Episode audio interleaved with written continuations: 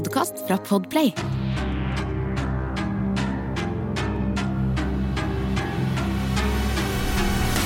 Hei og velkommen til Forsyningsfredag podcast.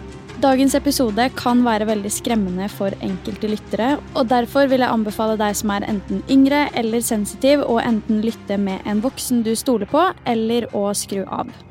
Saken vi skal prate om i dag, er historien om The Preppy Killer, eller overklassemorderen.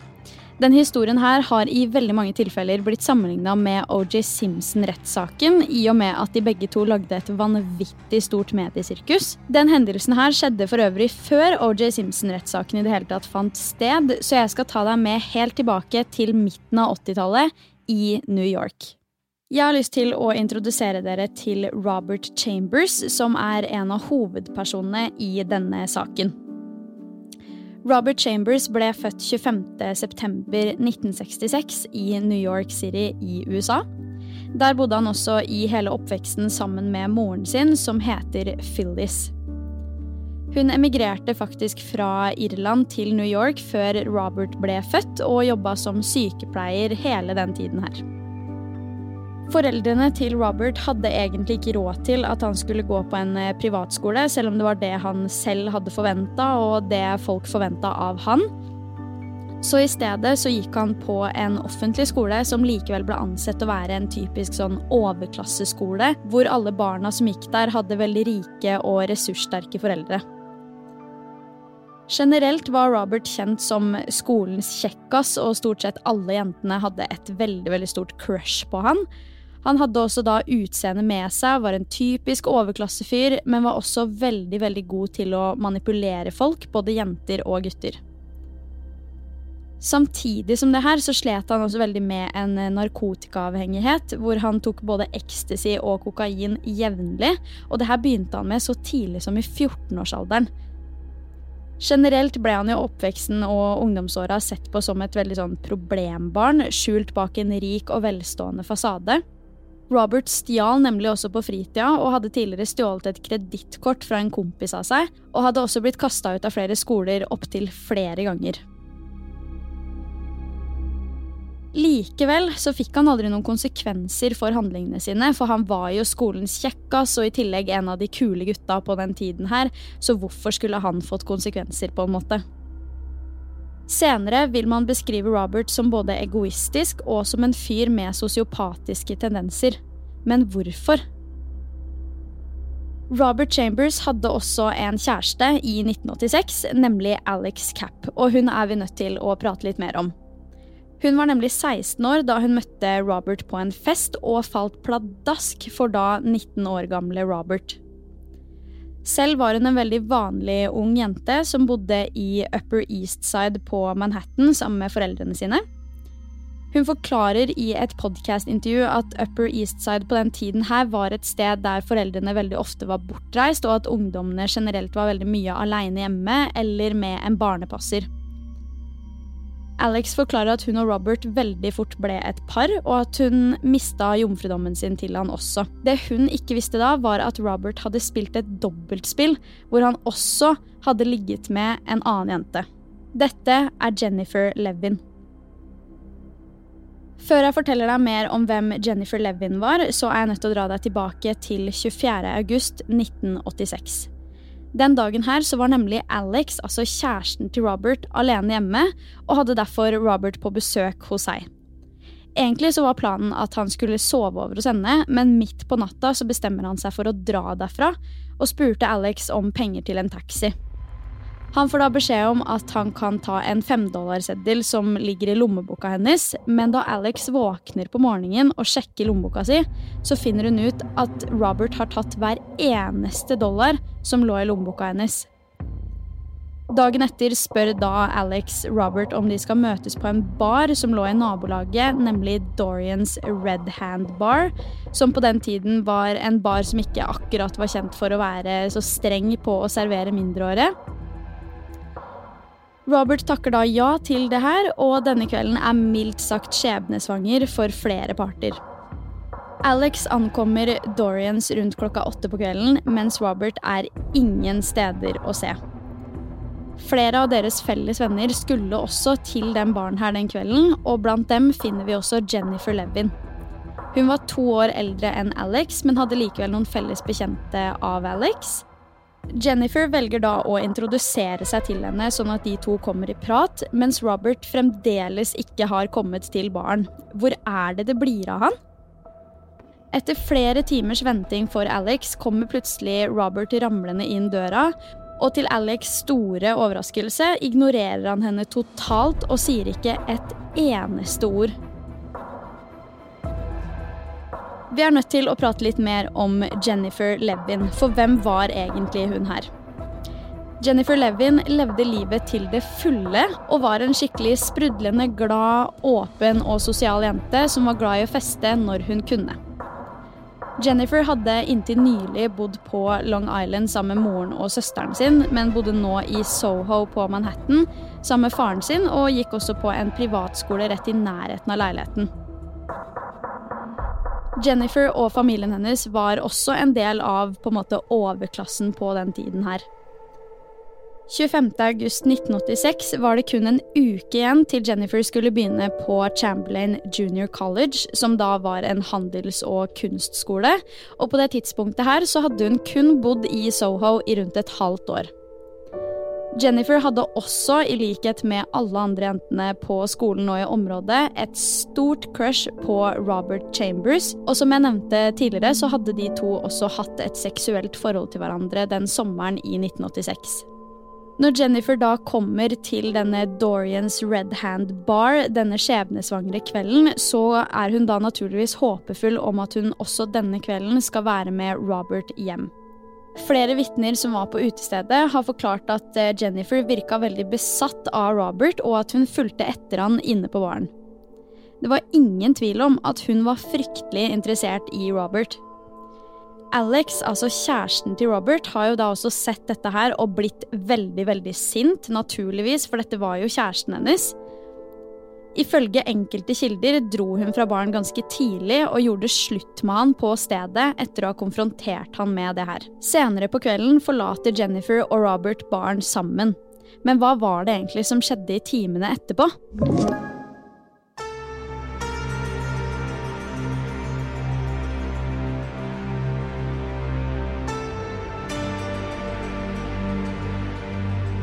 Det er estimert ved hjelp av vitneobservasjoner at Jennifer og Robert ankom Central Park i New York rundt klokka 04.30, og etter det så er det ingen som har sett dem. Vel, det er frem til klokka blir rundt seks på morgenen den 26. august 1986. Det er nemlig nå en ung jente er på sykkeltur i Central Park og nærmer seg det som heter Panther Hill. Hun sykler litt videre forbi og observerer plutselig en ung jente som ligger under et tre. Hun bemerker seg samtidig at det er noe som ikke stemmer, og har i ettertid fortalt at hun veldig raskt så at jenta absolutt ikke lå på en naturlig måte. Vitnet ringer da umiddelbart til politiet, men bestemmer seg raskt for å bli værende på stedet frem til politiet kommer. Politiet rykker nå ut med både blålys og sirener. De kjører litt forbi Metropolitan-museet, og det er i dette området at den unge jenta ligger. På åstedet blir det raskt konstatert at jenta er død, og det tar ikke mer enn noen korte minutter før politiet får tips om en brun bil som nylig hadde vært på stedet, og dumpa liket. Dette gjør at politiet nå er nødt til å stanse all inn- og utfart til og fra New York, og politiet vet at den skyldige er i nærheten. Politiet stenger nå av et gigantisk område i parken, aller mest egentlig for å sikre åstedet, men også for å holde pressen unna.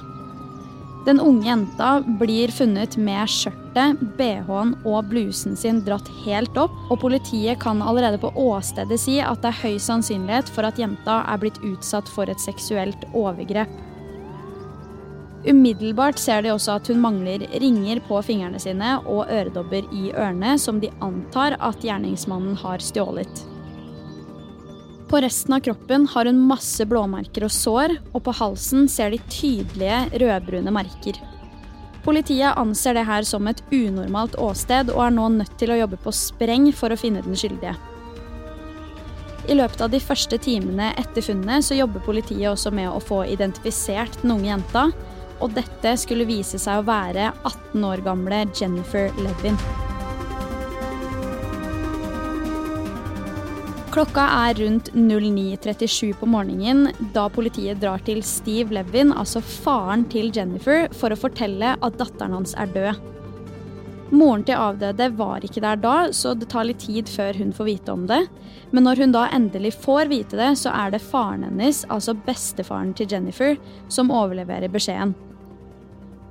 Det mest naturlige for moren å tenke nå er jo at Jennifer er blitt utsatt for en ulykke, men senere skulle det vise seg at Jennifer er blitt kvalt til døde. Under obduksjonsundersøkelsene som ble gjort av Jennifer, fant man også tydelige tegn til at Jennifer virkelig hadde kjempa for livet sitt, før hun til slutt tapte kampen mot gjerningsmannen. Men hvem kunne det her være? Politiet får da etter hvert danna seg et bilde av hvor Jennifer har vært tidligere på kvelden, og navnet til Robert Chambers kommer veldig raskt opp i etterforskningen. Da politiet da drar hjem til han, ser de umiddelbart at han har noen merker på kjeven og i ansiktet, som politiet med en gang reagerer på. Selv har han forklart at det her var kloremerker fra en katt. Det som gjorde at Robert ble tatt inn til avhør, var først og fremst alle vitneobservasjonene hvor politiet hadde funnet ut at han var den siste personen som var med Jennifer. Når de da har tatt han inn til avhør og oppdaga disse kloremerkene, så endrer han egentlig ganske rask status fra vitne til mistenkt, og nå forklarer han også hva han mente at skjedde denne kvelden. Etter hvert blir han da sikta i saken og senere stilt for retten. Som jeg nevnte innledningsvis, så er jo dette her en sak som skapte et vanvittig stort mediesirkus, og at flere sammenligner det her med rettssaken til OJ Simpson. Robert visste jo også akkurat hvordan han skulle bruke mediene, og forklarte at han aldri hadde noen intensjon om å i det hele tatt dra ut på byen den kvelden, og i hvert fall ikke skade eller ta livet av noen.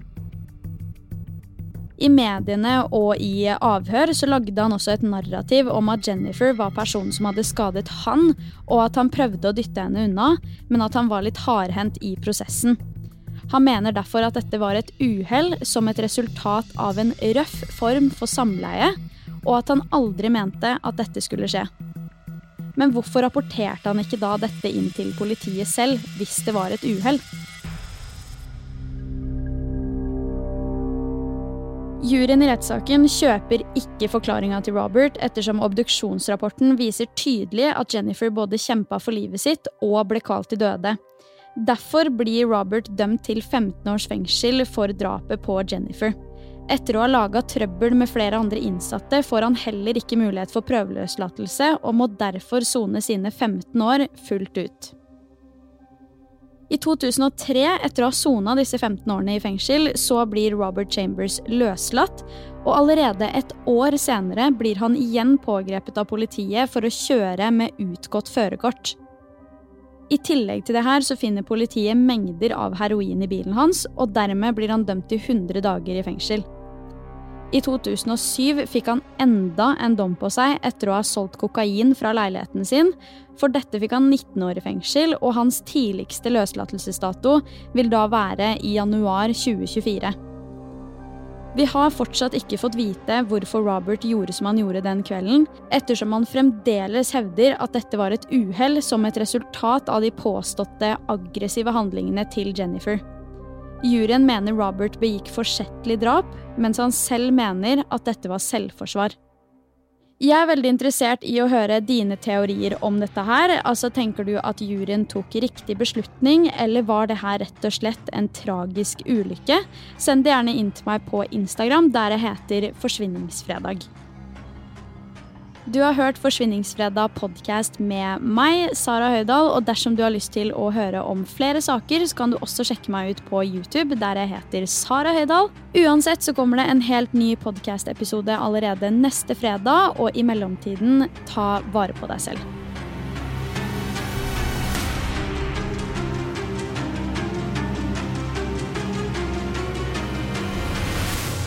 Du har hørt en podkast fra Podplay en enklere måte å høre podkast på.